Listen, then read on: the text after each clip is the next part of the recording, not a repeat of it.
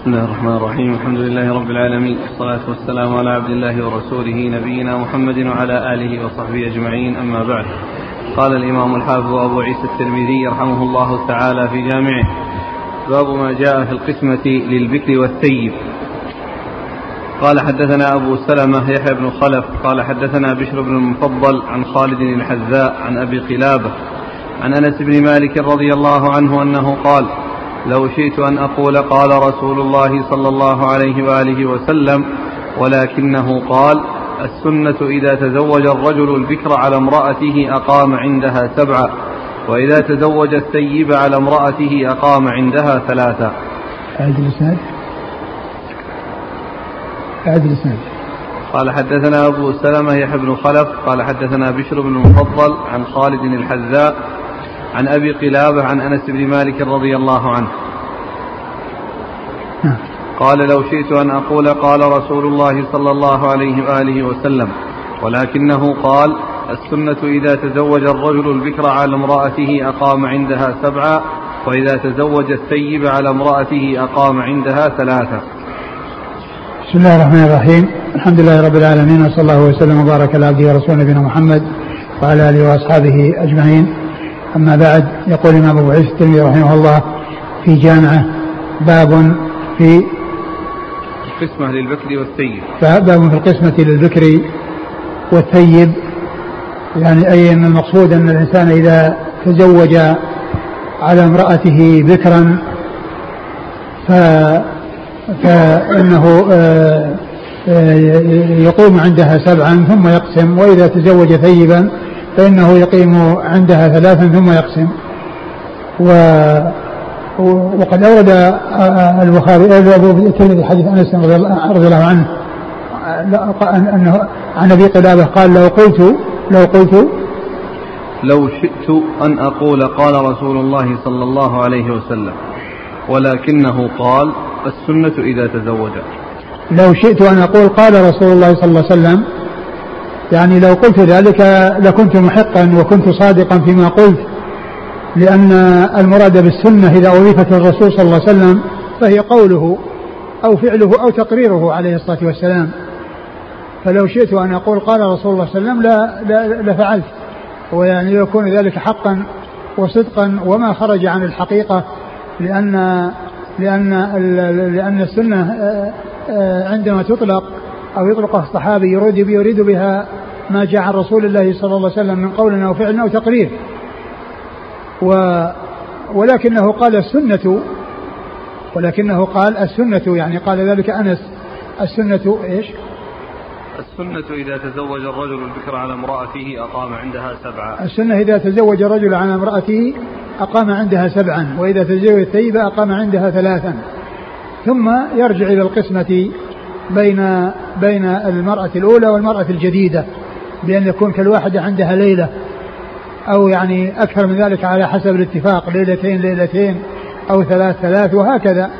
يعني لا بد من القسمة ولا بد من التسوية بين النساء في المبيت كما أنه لا بد من التسوية بينهما في, في النفقة وفي الأمور الأخرى إلا ما لا يقدر عليه الإنسان وهو ما يقوم في قلبه فإن هذا شيء لا يملكه الإنسان ولكن الشيء الذي يملكه عليه أن يعدل فيه وأن يسوي فيه بالعطية والقسمة والمبيت والنفقة والمبيت وغير ذلك مما يقدر عليه الإنسان.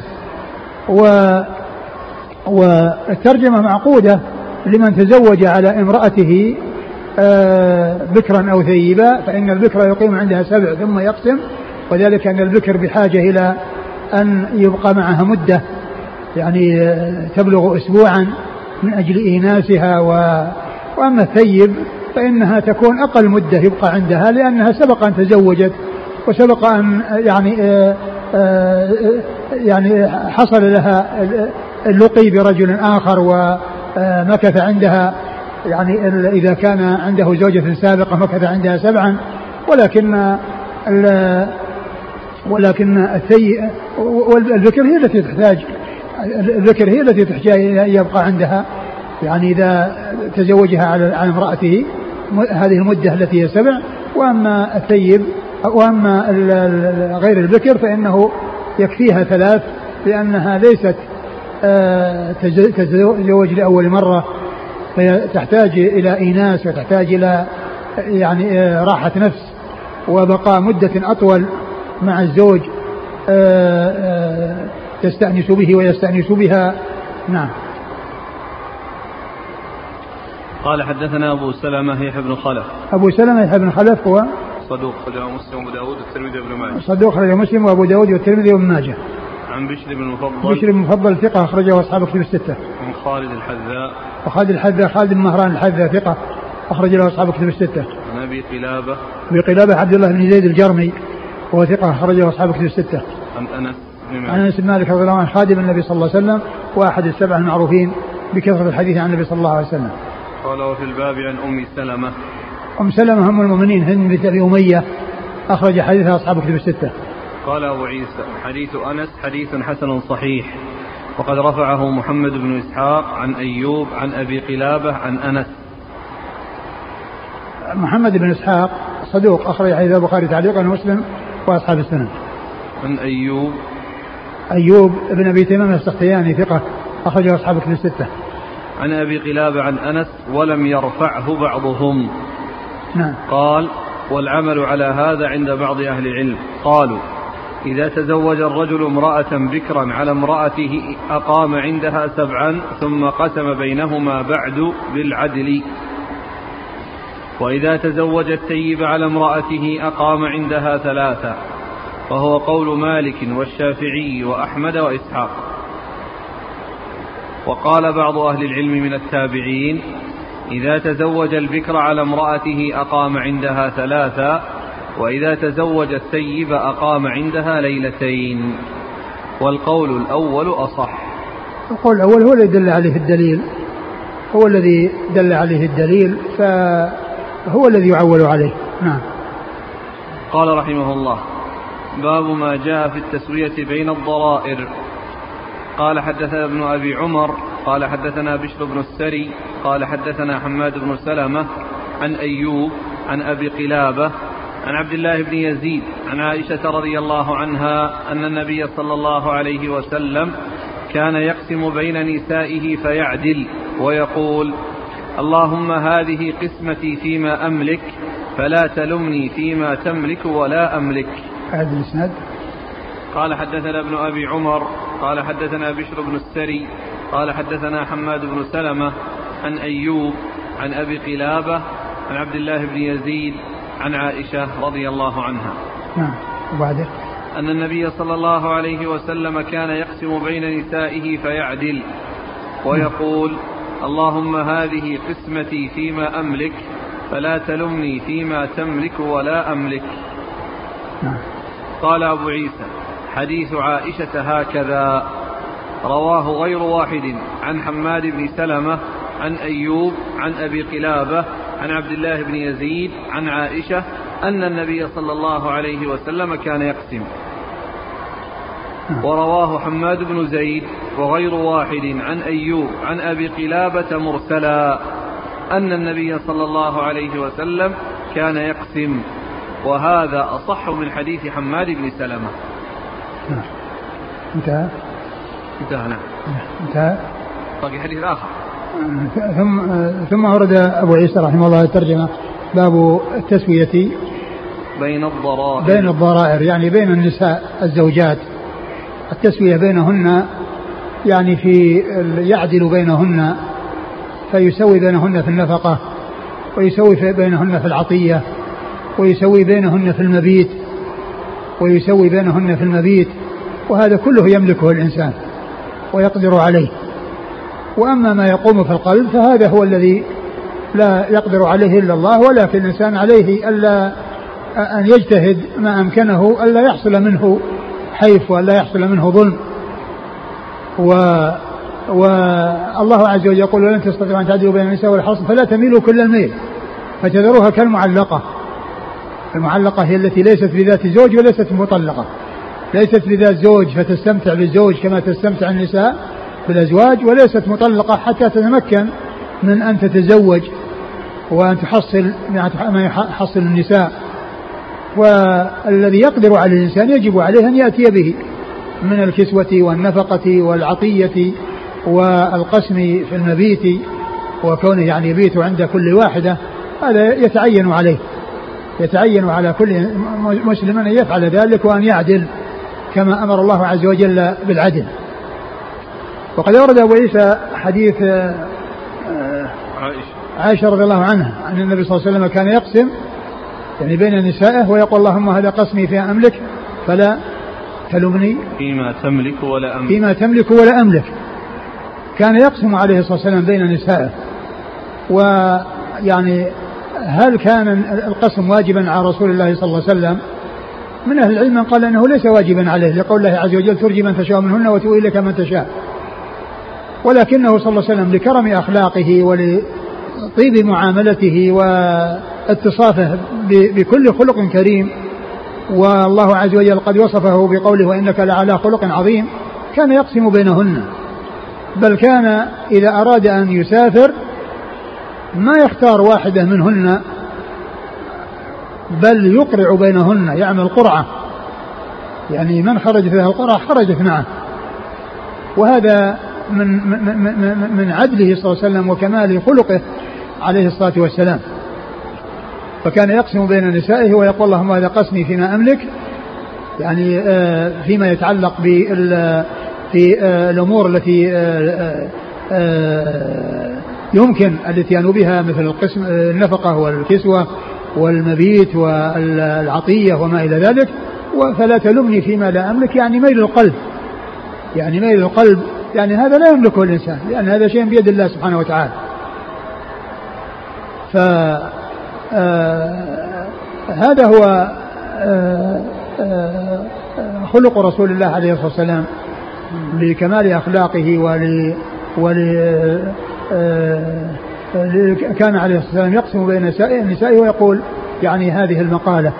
وقد تكلم بعض أهل العلم يعني في يعني هذا الحديث من جهة أن حماد بن سلمة هو الذي رفعه وأنه خالفه غيره فرجحوا الموقوف رجحوا المرسل على المتصل وعلى طريقة بعض العلماء الذين يقولون أن أن الثقة إذا إذا إذا أتى يعني بالوصل وأتى بالرفع فإنه عنده زيادة علم وعنده زيادة آه، شيء يعني ليس عند غيره فيؤخذ به.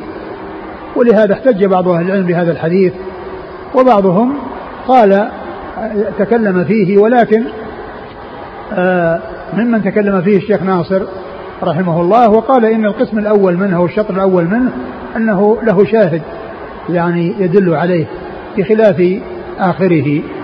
وعلى كل حال حماد بن سلمة آه، هو ثقة ويعني وعلى طريقة بعض المحدثين الذين يقولون أن أن الثقة إذا إذا آه، إذا يعني أسند أو إذا رفع فعنده زيادة علم أو زيادة آه، زيادة ليست عند غيره فيؤخذ بها.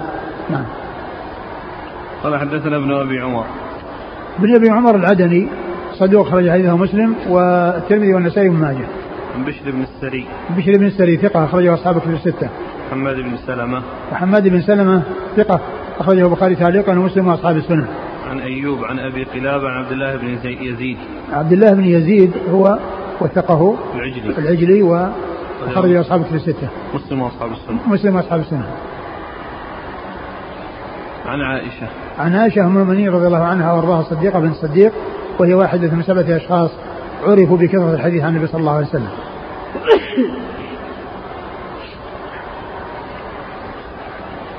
قال أبو عيسى حديث عائشة هكذا رواه غير واحد عن حماد بن سلمة عن أيوب عن أبي قلابة. عن عبد الله بن يزيد عن عائشة أن النبي صلى الله عليه وسلم كان يقسم ورواه حماد بن زيد. حماد بن زيد بن درهم ثقة أخرجه أصحاب في الستة. وغير واحد عن أيوب عن أبي قلابة مرسلا أن النبي صلى الله عليه وسلم كان يقسم وهذا أصح من حديث حماد بن سلمة. نعم.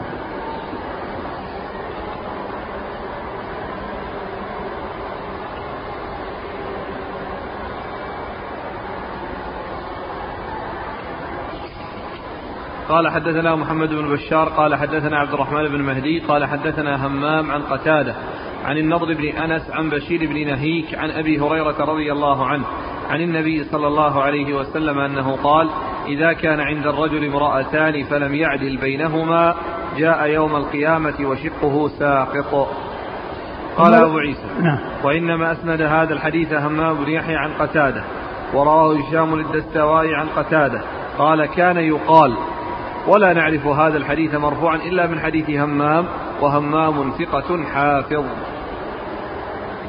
ثم أورد أبو عيسى حديث أبي هريرة إذا كان عند الرجل امرأتان فمال إلى إحداهما جاء يوم القيامة وشقه ساقط. وهذا يعني يدل على يعني هيئته تدل على يعني عدم عدله. وفي وذلك آه، فيه آه، آه، عقوبة عقوبة عقوبته بحصول هذا التفاوت بين شقيه كما حصل التفاوت في الدنيا منه بين الزوجتين بحيث يعني حاف على إحداهما ومال إلى إحداهما ولم يسوي بينهما فيما يقدر عليه فيما يقدر عليه إذا كان عنده امرأتان ومال إلى إحداهما يعني الميل الذي آه، يعني يملكه الإنسان ويقدر عليه فإنه يأتي وشقه, وشقه ساقط. يعني يكون يعني علامة على على على عدم عدله في الدنيا فيكون مظهره يعني في الآخرة كأن كأنه يعني في خزي له بأنه يظهر يظهر بهذا المظهر الذي يدل على آه على عدم عدله وأن هذا عقوبة له على عدم العدل. يعني ف فهذا يدل على تحريم يعني الجور وتحريم الظلم يعني بين الضرائر وأن الواجب هو العدل والتسوية بين بينهن فيما يقدر عليه الإنسان نعم قال حدثنا محمد بن بشار محمد بن بشار ملقب بن الدار وهو ثقة أخرجه أصحاب كتب الستة. عن عبد الرحمن بن المهدي. عبد الرحمن بن المهدي ثقة أخرجه أصحاب كتب الستة. عن همام. عن همام بن يحيى العوذي ثقة أخرجه أصحاب كتب الستة. عن قتادة. قتادة من دعامة السدوسي البصري ثقة أخرجه أصحاب كتب الستة. عن النضر بن أنس. عن النضر بن أنس وهو ثقة أخرج له. أصحاب الكتب. أصحاب الكتب الستة. عن بشير بن نهيك. عن بشير بن نهيك وهو ثقة أخرج له. أصحاب الكتب. أصحاب الكتب الستة. عن أبي هريرة. عن أبي هريرة عبد الرحمن بن صخر الدوسي وهو أكثر أصحاب رسول الله صلى الله عليه وسلم حديثا. قال وإنما أسند هذا الحديث همام بن يحيى عن قتادة ورواه هشام الدستوائي. هشام الدستوائي ثقة أخرجه أصحاب الكتب الستة. عن قتادة قال كان يقال نعم ولا نعرف هذا الحديث مرفوعا إلا من حديث همام وهمام ثقة حافظ نعم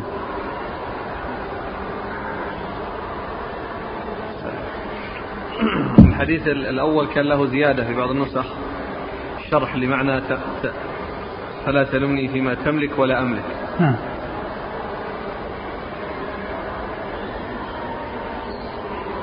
لما قال آه، حديث حماد بن زيد عن أبي قلابة مرسلا وهذا أصح قال وهذا أصح من حديث حماد بن سلمة.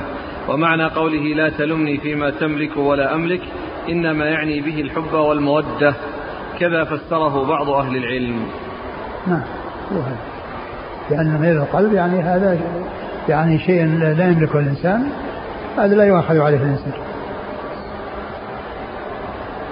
جاءت أسئلة هل من ال ال ال الواجب الوطء العدل والقسم في الوطء إذا كان الإنسان يقدر عليه ولا يعني يمنعه منه يعني مانع فهذا هو الذي ينبغي. وإذا كان يعني لا يقدر عليه وإنما يعني يكون في عند عند واحدة يعني بخلاف الأخرى وهو لم يكن هناك آه، آه، تقصير في حقها وإضاعة لحقها وإنما هو شيء لا يرجع إليه فهذا مما يدخل تحت يعني الذي لا يملكه الإنسان.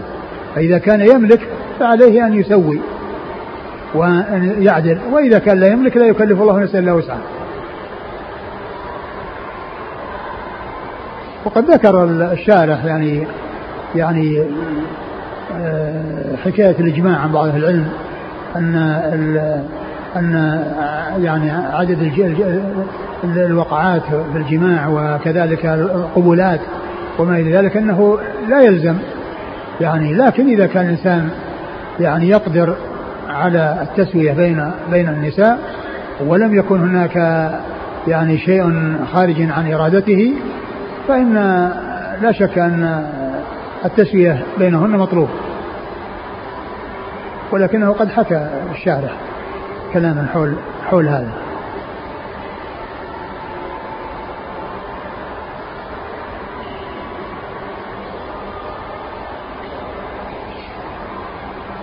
قال رحمه الله تعالى باب ما جاء في الزوجين المشركين يسلم أحدهما قال حدثنا أحمد بن منيع وهناد قال حدثنا أبو معاوية عن الحجاج عن عمرو بن شعيب عن أبيه عن جده رضي الله عنه أن رسول الله صلى الله عليه وآله وسلم رد ابنته زينب على أبي العاص بن الربيع بمهر جديد ونكاح جديد. قال أبو عيسى هذا حديث في إسناده مقال وفي الحديث الآخر أيضا مقال. والعمل على هذا الحديث عند أهل العلم أن المرأة إذا أسلمت قبل زوجها ثم أسلم زوجها وهي في العدة أن زوجها أحق بها ما كانت في العدة وهو قول مالك بن أنس والأوزاعي والشافعي وأحمد وإسحاق نعم. قال حدثنا هناد قال حدثنا يونس بن بكير عن محمد بن إسحاق قال حدثني داود بن الحصين عن عكرمة عن ابن عباس رضي الله عنهما أنه قال رد النبي صلى الله عليه وآله وسلم ابنته زينب على أبي العاص بن الربيع بعد ست سنين بالنكاح الأول ولم يحدث نكاحا. قال أبو عيسى هذا حديث ليس إسناده ليس بإسناده بأس ولكن لا نعرف وجه هذا الحديث ولعله قد جاء هذا من قبل داود بن حصين من قبل حفظه. ثم أورد انتهى؟ في حديث ثالث. لا نفس الموضوع. إيه؟ أيوه نعم وش ثاني؟ ثالث في نفس الموضوع بس حديث في في أبي العاص؟ لا موضوع آخر؟ أي نعم ثم ورد أبو عيسى رحمه الله هذه الترجمة وهي باب في الزوجين يسلم أحدهما قبل الآخر يعني أن أن المرأة إذا أسلمت وزوجها لم يسلم فهي إذا كانت في العدة فهو أحق بها إذا أسلم. وإن خرجت من العدة فإنها مثل النساء التي يخرجن العدة يحتاجن إلى زواج. يحتاجن إلى إلى إلى, إلى, إلى عقد وزواج جديد. ولكن ليس له وإن كان هو حق بها يعني ما دامت في العدة في العدة أنه إذا أسلم لكن ليس له يعني آه، حق الاتصال بها. بل هي لا يجوز له أن يقربها قبل أن يسلم لأنه لا يحل للكافر وطن مسلمة.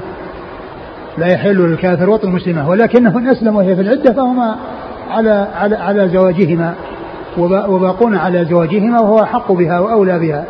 ولا يعني آآ آه، آآ آه، يكون آآ آه، الانفصال بينهما وقد أدركها مسلما وهي في عدتها فهو حق بها وأولى بها من غيره. وإن خرج من العدة فإنه يحتاج إلى إلى زواج.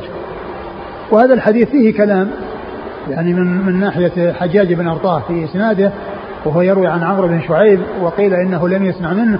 وكذلك الحديث الذي بعده أيضا يعني فيه كلام لأنه من رواية داود بن الحصين عن عكرمة و وقد قال الحافظ في التقريب إن رواية أن أن أنه أنه آه، ثقة إلا في روايته عن عكرمة. قال ثقة إلا في إلا في روايته عن عكرمة. وهذا من روايته عن عكرمة. يعني فهذا فيه مقال وذاك فيه مقال. و وقد ذهب أهل العلم يعني كما ذكر المصنف إلى أنه إذا آه، أسلم الزوج والمرأة لا لا تزال في عدتها فهو أحق بها من غيره وأنه إذا كان بعد العدة فإنه يحتاج إلى عقد جديد.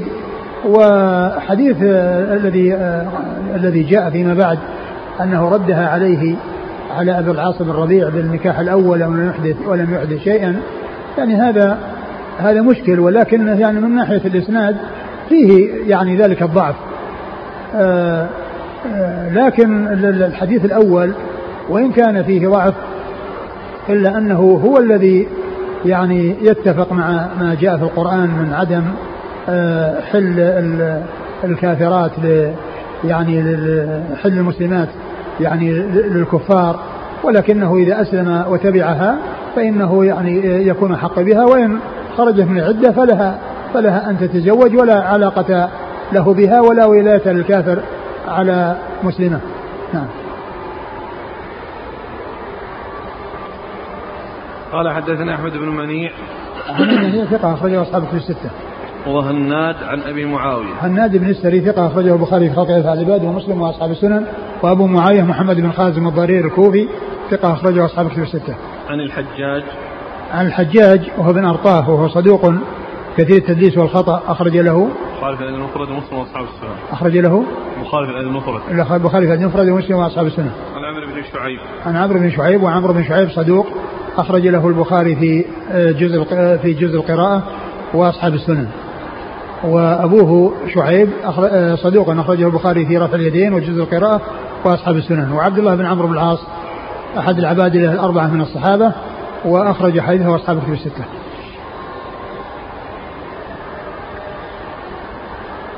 قال أبو عيسى هذا حديث في إسناده مقال وفي الحديث الآخر أيضا مقال والعمل على هذا الحديث عند أهل العلم أن المرأة إذا أسلمت قبل زوجها ثم أسلم زوجها وهي في العدة أن زوجها أحق بها ما كانت في العدة. وهو قول مالك بن أنس والأوزاعي والشافعي وأحمد وإسحاق.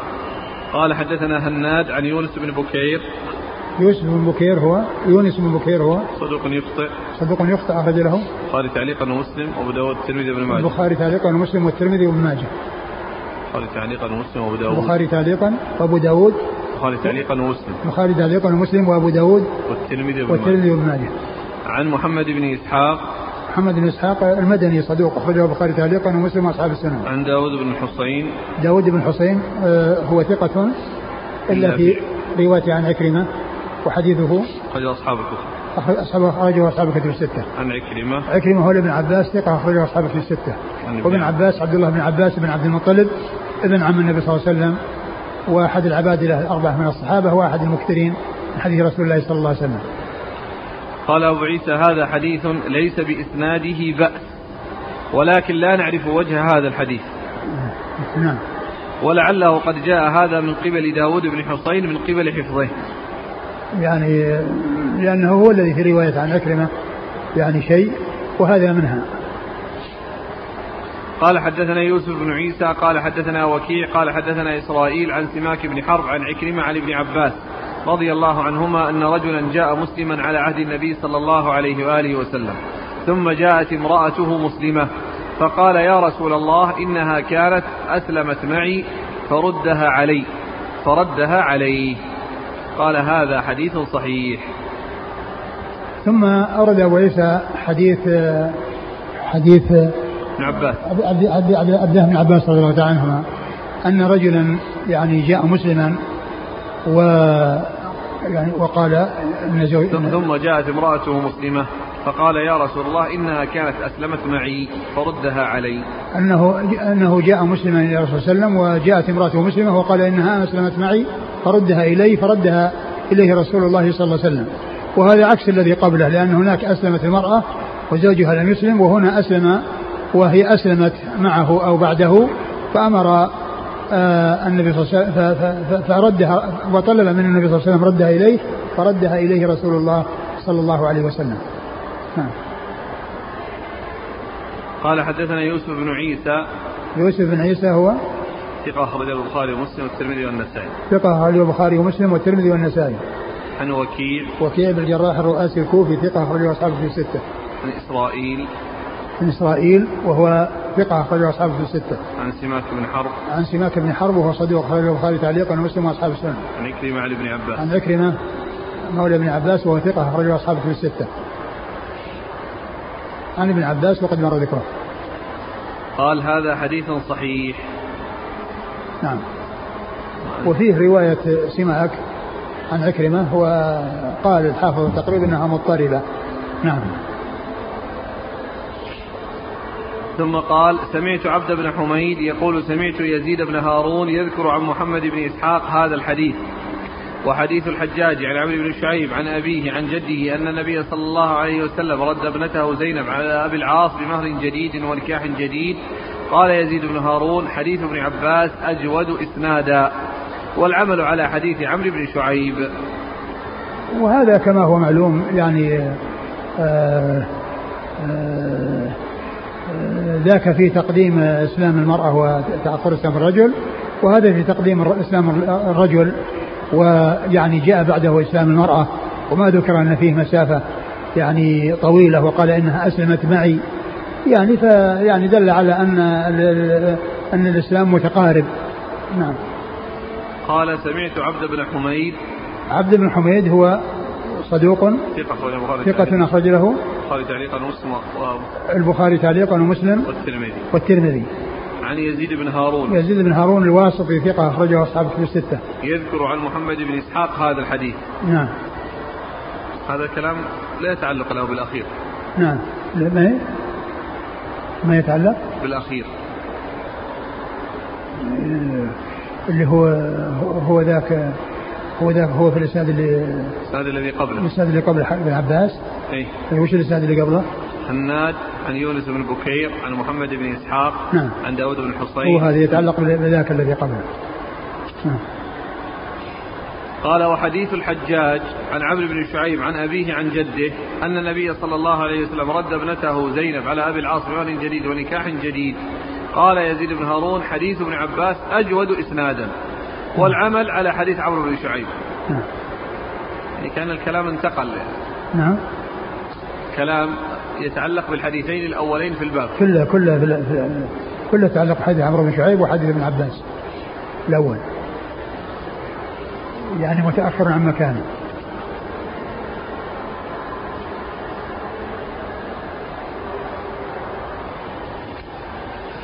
قال رحمه الله تعالى باب ما جاء في الرجل يتزوج المرأة فيموت عنها قبل أن يفرض لها. قال حدثنا محمود بن غيلان قال حدثنا زيد بن الحباب قال حدثنا سفيان عن منصور عن إبراهيم عن علقمة عن ابن مسعود رضي الله عنه أنه سئل عن رجل تزوج امرأة ولم يفرض لها صداقا ولم يدخل بها حتى مات فقال ابن مسعود لها مثل صداق نسائها. لا وكس ولا شطط وعليها العدة ولها الميراث. فقام معقل بن سنان الأشجعي رضي الله عنه فقال قضى رسول الله صلى الله عليه وآله وسلم في بروع بنت واشق امرأة منا مثل الذي قضيت ففرح بها ابن مسعود. ثم ورد أبو عيسى رحمه الله باب في الرجل يتزوج المرأة ثم يموت قبل أن يفرض لها. نعم. قبل أن يفرضها يعني صداقا. يعني ما ما ما الأحكام التي تترتب على ذلك على هذه الوفاة لمثل هذه المرأة؟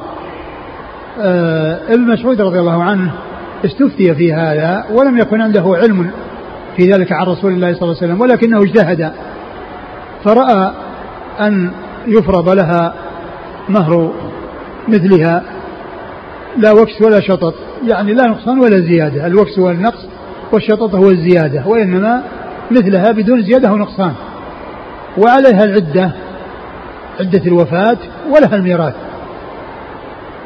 ثم إن معقل ابن سنان رضي الله عنه قال إن رسول الله صلى الله عليه وسلم قضى في بروع بنت واشق امرأة منا بمثل ما يعني قلت ففرح ابن مسعود رضي الله عنه لأن اجتهاده وافق سنة رسول الله صلى الله عليه وسلم. وهذا فيه دليل على أن العالم إذا نزلت به نازلة وسئل عن شيء فعليه أن آه، يجتهد في معرفة الحق ثم يفتي بما يظهر له. وإذا كان مصيبا وإذا كان يعني آه، آه، وقد يكون مصيبا وقد يكون مخطئا لكنه مأجور على اجتهاده إن أصاب وإن أخطأ. وفي هذه القضية التي آه، أفتى بها ابن مسعود رضي الله عنه صار اجتهاده مطابقا لسنة الرسول صلى الله عليه وسلم ولهذا فرح لما بلغه الحديث عن رسول الله صلى الله عليه وسلم. فرح ولهذا قال ففرح يعني لكون اجتهاده طابق سنة الرسول صلى الله عليه وسلم ووافق سنة رسول الله صلى الله عليه وسلم. وهكذا يعني يحصل من بعض الصحابة أنهم تحصل بهم النوازل والقضايا فلا يجدون شيئا فيها عن رسول الله صلى الله عليه وسلم فيجتهدون ويرون يعني الشيء الذي يفتون به أو يحكمون به فإن تبين أن هناك دليل وأن هناك سنة توافق ما قالوه فإنهم يفرحون. وإن لم يحصل آه، منهم موافقة وجاءت السنة على خلاف ذلك فإنهم يتركون أو يرجعون عن ما قالوه إلى ما يثبت عن رسول الله صلى الله عليه وسلم. ومثل هذا الذي حصل لعمر رضي الله عنه لما ذهب إلى الشام ولقيه أبو عبيدة وأمراء الجناد وكانت وكان الطاعون وقع بالشام فلقيه الصحابة وقالوا آه، منهم من قال ادخل ولا تفر من قدر الله ومنهم من قال ارجع ولا تعرض أصحاب الرسول صلى الله عليه وسلم للموت. فاجتهد وسأل المهاجرين فلم يكن عندهم شيء وسأل الأنصار الموجودين فلم يكن عندهم شيء وسأل مسلمة الفتح ولم يكن عندهم شيء ولكن أشاروا عليه بشيء واحد وهو أنه يرجع. فاجتهد ورأى أنه يرجع. ثم إن عبد الرحمن بن عوف جاء وكان معهم ولكنه ذهب لحاجة فعلم المحاورة والمشاورة التي جرت فقال عندي فيها علم عن رسول الله صلى الله عليه وسلم. قال عليه الصلاة والسلام إذا وقع الطعام وأنتم في بلد فلا تخرجوا فرارا منه وإذا وقع فلا تدخلوا عليه. ففرح بذلك عمر رضي الله عنه لأن اجتهاده وافق سنة رسول الله صلى الله عليه وسلم. وهذا مثل هذا الذي حصل للمسعود في هذا الحديث. والحديث هذا يعتبر عن معقل بن سنان وليس عن ابن مسعود ابن مسعود مفتي يعني في هذا الحديث أو في هذه القصة ولكن الحديث جاء عن آه، معقل بن سنان أن النبي صلى الله عليه وسلم قضى في بروع بنت واشق بمثل هذا الذي أفتى ابن مسعود من أن عليها من أن لها آه، مهر نساء مثال أمثالها وعليها العدة ولها الميراث. قال حدثنا محمود بن غيلان. محمود بن غيلان ثقة أخرجه أصحاب الكتب الستة إلا أبا داود. عن زيد بن الحباب. زيد بن الحباب ثقة. صدوق يخطئ في حديث الثوري. صدوق يخطئ في حديث الثوري أخرج حديثه. البخاري جزء القراءة ومسلم وأصحاب السنن البخاري جزء القراءة ومسلم وأصحاب السنن عن سفيان. عن سفيان الثوري وسفيان بن سعيد المسروق الثوري ثقة أخرجه أصحاب الكتب الستة. عن منصور. عن منصور بن معتمر وهو ثقة أخرجه أصحاب الكتب الستة. عن إبراهيم. عن إبراهيم بن يزيد بن قيس النقعي ثقة أخرجه أصحاب الكتب الستة. عن علقمة. عن علقمة بن قيس وهو ثقة أخرجه أصحاب الكتب الستة. عن معقل بن سنان. عن معقل بن سنان رضي الله عنه وقد أخرج حديثه أصحاب السنن. أصحاب السنن. قال وفي الباب عن الجراح. والجراح أخرج حديثه أبو داود. قال حدثنا الحسن بن علي الخلال. قال حدثنا يزيد بن هارون وعبد الرزاق كلاهما عن سفيان عن منصور نحوه. ثم ورد طريقا أخرى يعني فيها يعني عن سفيان يعني طريقا أخرى عن سفيان نحوه نحو هذا الحديث. نعم. قال حدثنا الحسن بن علي الخلال. حسن بن علي الخلال الحلواني ثقة أخرجه أصحاب في الستة إلا النسائي. عن يزيد بن هارون. يزيد بن هارون ثقة أخرج أصحاب في الستة عن وعبد الرزاق. وعبد الرزاق بن همام ثقة أخرج أصحاب في الستة. عن سفيان عن منصور. نعم. قال أبو عيسى حديث ابن مسعود حديث حسن صحيح وقد روي عنه من غير وجه والعمل على هذا عند بعض أهل العلم أصحاب النبي صلى الله عليه وسلم وغيرهم وبه يقول الثوري وأحمد وإسحاق. وقال بعض أهل العلم من أصحاب النبي صلى الله عليه وسلم منهم علي بن أبي طالب وزيد بن ثابت وابن عباس وابن عمر إذا تزوج الرجل المرأة ولم يدخل بها ولم يفرض لها صداقا حتى مات قالوا لها الميراث ولا صداق لها. وعليها العدة وهو قول الشافعي. قال لو ثبت حديث بروع بنت واشق لكانت الحجة فيما روي عن النبي صلى الله عليه وسلم. وروي عن الشافعي أنه رجع بمصر بعد عن هذا القول وقال بحديث بروع بنت واشق. نعم. علي بن أبي طالب. علي بن أبي طالب أمير المؤمنين ورابع الخلفاء الراشدين الهادي المهديين صاحب المناقب الجمة والفضائل الكثيرة وحديثه عند أصحاب الكتب الستة. وزيد بن ثابت. زيد بن ثابت أخرج حديثه أصحاب الكتب الستة. وابن عباس وابن عمر. نعم. نعم. قال رحمه الله تعالى كتاب الرضاع. باب ما جاء يحرم من الرضاع ما يحرم ما يحرم من النسب. يحرم من الرضاع ما, ما جاء باب ما جاء يحرم من الرضاع ما يحرم من النسب. قال حدثنا أحمد بن منيع قال حدثنا إسماعيل بن إبراهيم قال حدثنا علي بن زيد عن سعيد بن المسيب عن علي بن أبي طالب رضي الله عنه أنه قال قال رسول الله صلى الله عليه وآله وسلم إن الله حرم من الرضاع ما حرم من النسب. قال وفي الباب عن عائشة وابن عباس وأم حبيبة رضي الله عنهم أجمعين. قال أبو عيسى حديث علي حديث علي حسن صحيح. والعمل على هذا عند عامة أهل العلم من أصحاب النبي صلى الله عليه وآله وسلم وغيرهم. لا نعلم بينهم في ذلك اختلافا. ثم ورد أبو عيسى رحمه الله كتاب الرضاع. والمقصود من ذلك تأثير الرضاع يعني في الحرمة يعني فيما إذا كان في الحولين وكان خمس رضعات فأكثر فإنه يحصل به التحريم بمعنى أن المرتضع يحرم عليه من الرضاع ما يحرم من النسب فإذا ارتضع من امرأة فإنه فإنها تكون أما له من الرضاع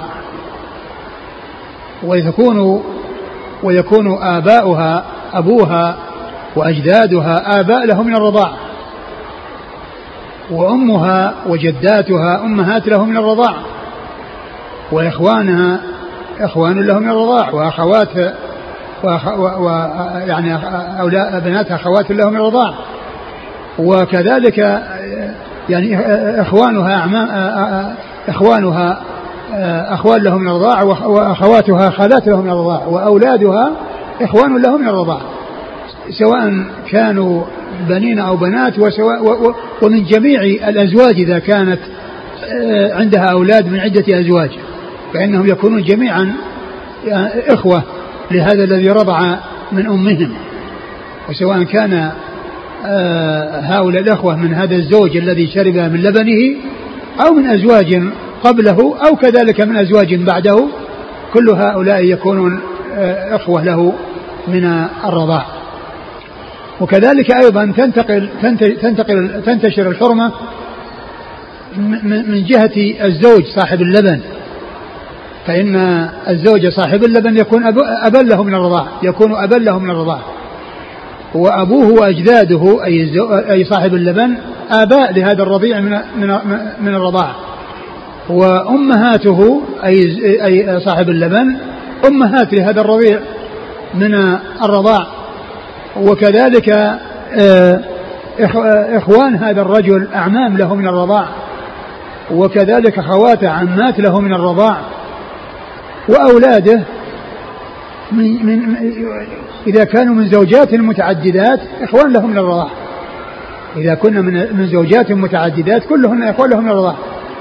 لأن لأن لأن لبن الفحل يحصل به الانتشار من جهة صاحب اللبن كما يحصل الانتشار من المرضعة التي أرضعت اللبن. وقد أورد أبو عيسى رحمه الله حديث علي. حديث علي رضي الله عنه يحرم من الرضاع ما يحرم من النسب. يعني معناه يحرم من قبل من جهة الرضاع ما يماثله من النسب.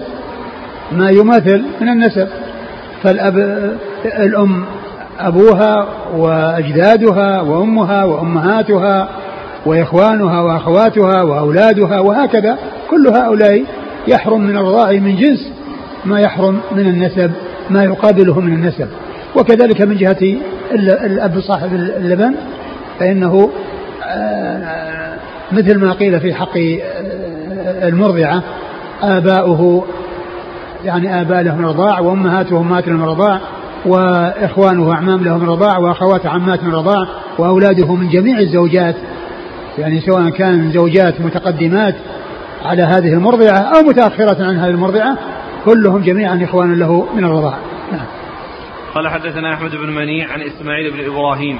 إسماعيل بن إبراهيم بن علية ثقة أخرجه أصحاب كتب الستة. عن علي بن زيد. عن علي بن زيد بن جدعان وهو ضعيف أخرجه البخاري في المفرد ومسلم وأصحاب السنن ضعيف أخرجه البخاري في المفرد ومسلم وأصحاب السنن ولكن الحديث يعني له شواهد كثيرة يعني ثابتة أشار إليها المصنف نعم عن سعيد المسيب عن سعيد المسيب وهو ثقة فقيه أخرجه أصحاب كتب الستة. عن علي عن علي رضي الله عنه مر ذكره. قال وفي الباب عن عائشة وابن عباس وأم حبيبة. أم حبيبة هي بنت أبي سفيان رملة أم المؤمنين رضي الله عنها وأرضاها أخرج حديثها أصحاب كتب الستة. قال حديث علي حديث حسن صحيح والعمل على هذا عند عامة أهل العلم من أصحاب النبي صلى الله عليه وسلم وغيرهم لا نعلم بينهم في ذلك اختلاف. قال حدثنا بندار قال حدثنا يحيى بن سعيد القطان قال حدثنا مالك قال حا وحدثنا إسماعيل بن موسى الأنصار إسحاق بن موسى الأنصاري قال حدثنا معا قال حدثنا مالك عن عبد الله بن دينار عن سليمان بن يسار عن عروة بن الزبير عن عائشة رضي الله عنها أنها قالت قال رسول الله صلى الله عليه وآله وسلم إن الله حرم من الرضاعة ما حرم من الولادة.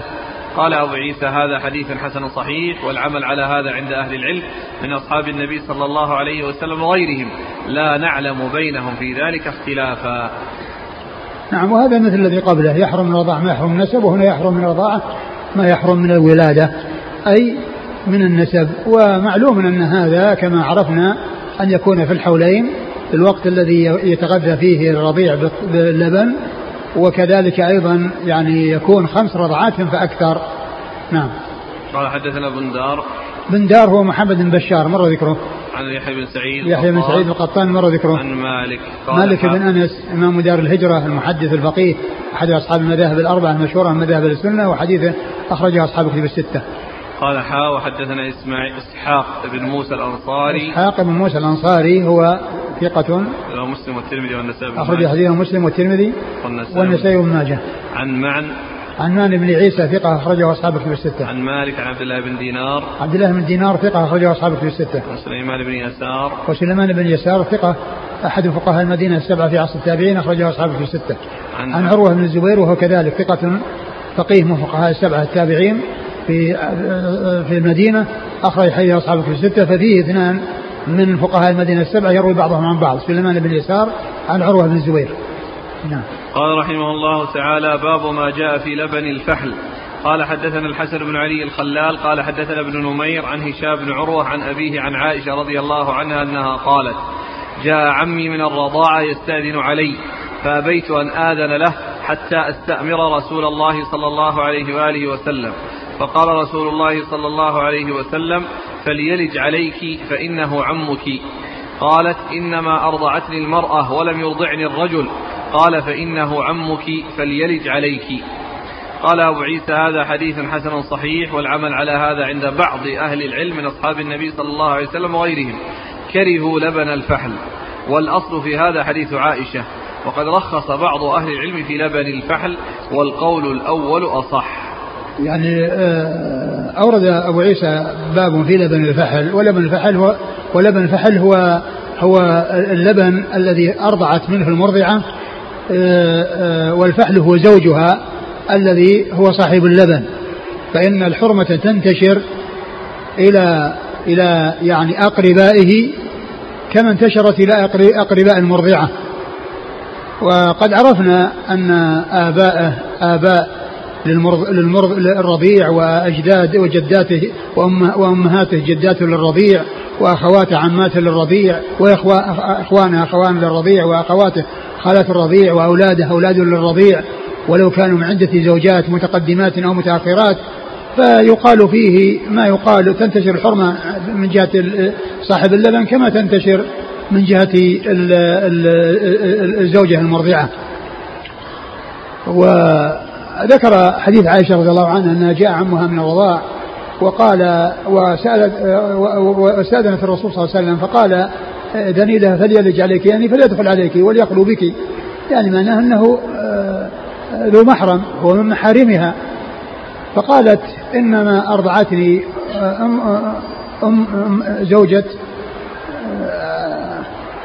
قال إنما أرضعتني المرأة ولم يرضعني الرجل. إنما أرضعتني المرأة يعني فهي كأنها تفهم أو فهمت أن الرضاع إنما ينتشر لأقرباء المرأة وأنه لا ينتشر لأقرباء الرجل فالرسول صلى الله عليه وسلم أخبرها بأنه فليلج يلج إليها وأنها عم وأنه عمها من الرضاعة فدل ذلك على أن اللبن آه، ينشر الحرمة من جهة صاحب اللبن كما ينشر الحرمة من جهة المرضعة التي هي زوجة آه، صاحب اللبن. نعم. قال حدثنا الحسن بن علي الخلال الحسن بن علي الخلال مر ذكره عن ابن نمير ابن نمير عبد الله بن نمير ثقة أخرجه أصحاب الكتب الستة. عن هشام بن عروة. هشام بن عروة ثقة أخرجه أصحاب الكتب الستة. عن أبيه عن عائشة. عن أبيه عن عائشة وقد مر ذكرهما. قال حديث حسن صحيح والعمل على هذا عند بعض أهل العلم من أصحاب النبي صلى الله عليه وسلم وغيرهم كرهوا لبن الفحم. المقصود بكرهوا يعني معناه أنه يعني رأوا الحرمة أو انتشار الحرمة به.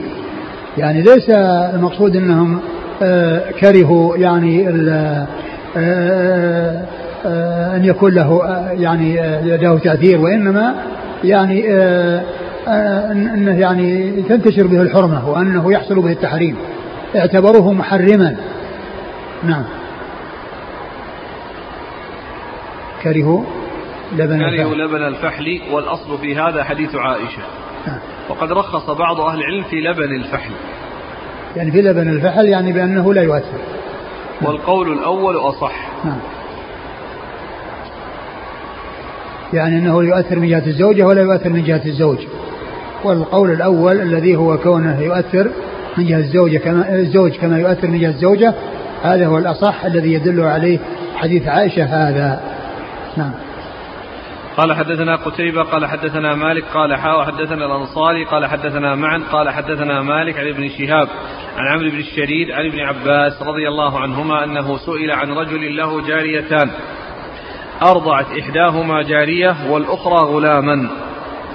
أيحل للغلام أن يتزوج بالجارية؟ فقال لا اللقاح واحد. قال أبو عيسى وهذا الأصل في هذا الباب وهو قول أحمد وإسحاق. يعني هذا أيضا أثر عن ابن عباس أن رجلا له جاريتان فأرضعت إحداهما غلاما والثانية آه، جارية. فيعني سئل ابن عباس فقال اللقاح واحد لأن الزوج أو صاحب اللبن واحد صاحب اللبن واحد. يعني ف يعني معناه أنه يعني يحصل التحريم بين المتراضعين لأن لأنه وإن كانت المرضعة يعني تختلف إلا أن صاحب اللبن واحد. ولهذا يذكرون في مسائل الفقه التي يعني يعني يكون فيها التحريم من جهة الرجل ولا يكون التحريم من جهة المرأة.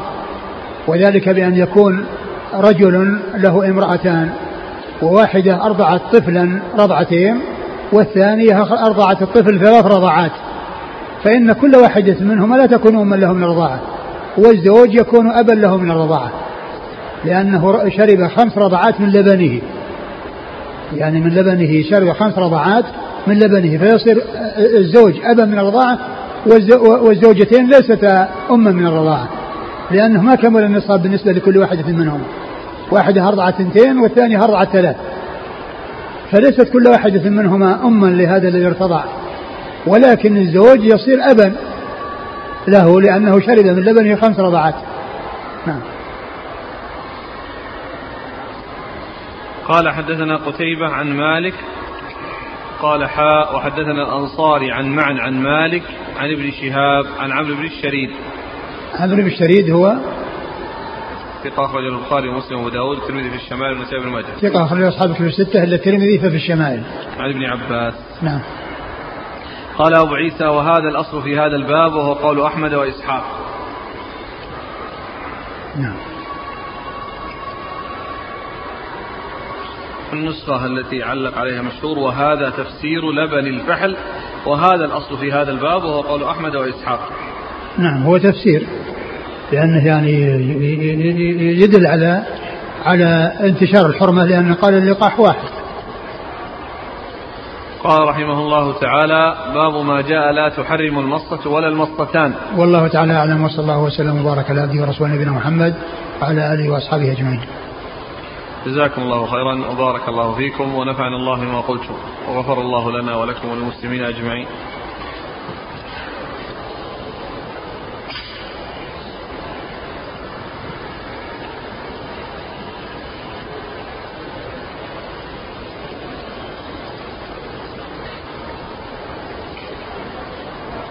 يقول السائل ما رأي فضيلتكم في من ترك زوجته الأولى في بلد والأخرى سافر بها إلى بلد آخر؟ وهو الآن وهي الآن الأولى تعيش وهي الآن الثانية تعيش معه وتلك تتجرع الوحدة. الواجب عليه العدل والابتعاد عن الظلم. يقول السائل إذا حج بزوجة فهل يلزمه أن يحج بالثانية؟ هذا العدل يقتضي هذا. اللهم إلا أن تكون واحدة يعني تحج فرضها والثانية قد حجت فإنه لا يحج بها لأن هذه فرض وتلك يعني قد حجت فرضها لا يلزمه أن يحججها. أما إذا كانت هذه ما حجت وهذه ما حجت فإن كانت آه، تلك يعني كلهن غير قادرات كلهن غير قادرات فإن عليه أن يعدل بينهن في ذلك لأن هذا من جنس العطايا. نعم. رجل له امرأتان واحدة هنا والآخر في البلاد خارج السعودية. فكيف يكون العدل بينهما مع ظروف العمل؟ يأتي بهذه فترة وبتلك فترة. وإذا بحث عن طريقة العدل وكيف يجد السبيل إليه إن شاء الله.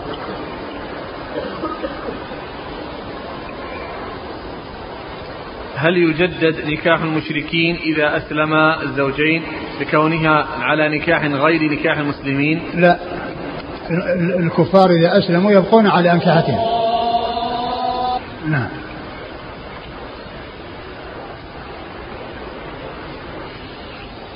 يقول السائل ما هي الأشياء التي تجب القسمة فيها؟ فهل تجب مثلا القسمة في الطعام؟ إذا أتيت بلحم لامرأة هل يجب علي أن آتي للثانية بها؟ إيه نعم يجب أن يعدل. لكن يعني من ناحية الكمية هذا ليس بلازم وإنما هذا على حسب الأشخاص. فقد يكون هذا عند أشخاص كثيرين يحتاجون إلى أكثر وهذه أشخاص قليلين يحتاجون إلى أقل. وأما من حيث التسوية فإنه يسوى يعني بين النساء. اللهم إلا إذا كان يعني يحضر عند هذه يوم وهذه عندها يوم ويكون يسوي بينهما مع التفاوت الأيام لا بأس بذلك. يقول من حيث النفقة. والنفقة كذلك ينفق عليهن سواء ولا ولا يفضل بعضهن على بعض. عند واحدة أولاد؟ أنا قلت يعني أنا قلت إذا كان بعضهن يعني يختلف في الكثرة فيعطي على قدر الأولاد وفي القلة والكثرة سواء من ناحية النفقة أو من ناحية الطعام الذي يحضره.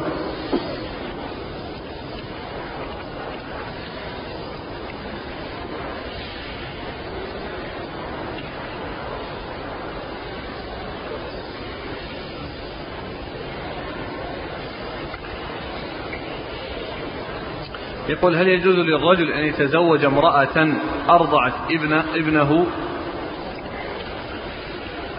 ابنه من النسب هو هي زوجته. أقول أم ولده من النسب هي زوجته. فكونه يعني أم ولده من الرضاعة نعم وش المانع يمنع منه؟ لأن ابنه من النسب أمه زوجته. فابنه من الرضاع يمكن ياخذ يأخذ أمه.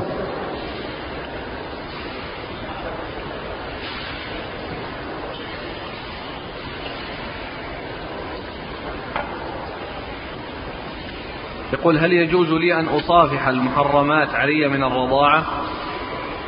هذا يعني يختلف يعني إذا كان يعني في محاذير فالابتعاد عن ذلك مطلوب وإذا كان ما في محاذير فالمحرمات من الرضاعة آه، يجوز بهن الخلوة ويجوز السفر بهن آه، ويجوز مصافحاتهن. لكن إذا كان هناك يعني محاذير يخشى منها يعني قلة الدين وضعف الإيمان ويعني رؤي عدم التمكين يعني في كل ما يكون من هذا القبيل فإنه لا بأس من الاحتراز وعدم يعني فتح الباب على على مصراعيه ثم يترتب على ذلك محاذير لا حد لها. إذا أمنت الفتنة ما في بأس. ومع خوف الفتنة لا لا يمكن يعني كل واحد من من آه، آه، الترخص أو من الدخول أو الخلوة وما إلى ذلك بذوات المحارم اللي هي من الرضاع. نعم.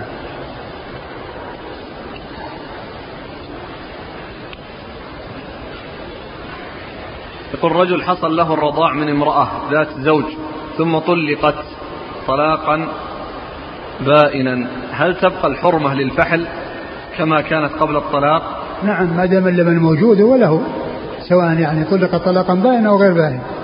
اللبن هو لبنه.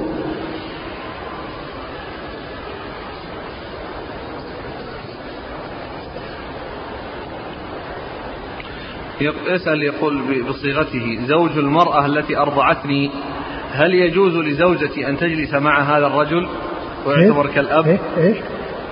أبوه من الرضاعة. آه. هل يجوز لامرأته أن تجلس مع أبيه من الرضاعة؟ آه هو من هذا القبيل الذي قلت إنه يعني إذا كان فيه محذور فلا يفعل. وأما إذا كان يعني لا محذور فيه فإنه لا بأس به. جمهور أهل العلم على أن الابن من الرضاعة تحرم يعني زوجته على أبيه من الرضاع. آه، ويقولون قوله عز وجل وحلائل وأبنائكم الذين من اصلابكم الذين من اصلابكم ليس المقصود به اخراج الابن من الرضاع وإنما المقصود بإخراج الإبل من التبني. وقد ذكر ابن كثير وغيره أن قول جمهور العلماء على أن الابن من الرضاع تحرم زوجته على أبيه تحرم زوج زوجته الابن من الرضاع تحرم زوجة الابن من الرضاع. في قول جمهور العلماء. وبعضهم قال إنها يعني إنها يعني إنها أجنبية. ويقولون الجمهور يقولون إن قوله من اصلابكم ليس إخراجا للإبن من الرضاع وإنما هو إخراج للإبن بالتبني. وذكر ابن كثير الخلاف في تفسير هذه الآية وذكر أن قول الجمهور على أن البنت زوجة الإبن من الرضاع كزوجة الإبن من النسب.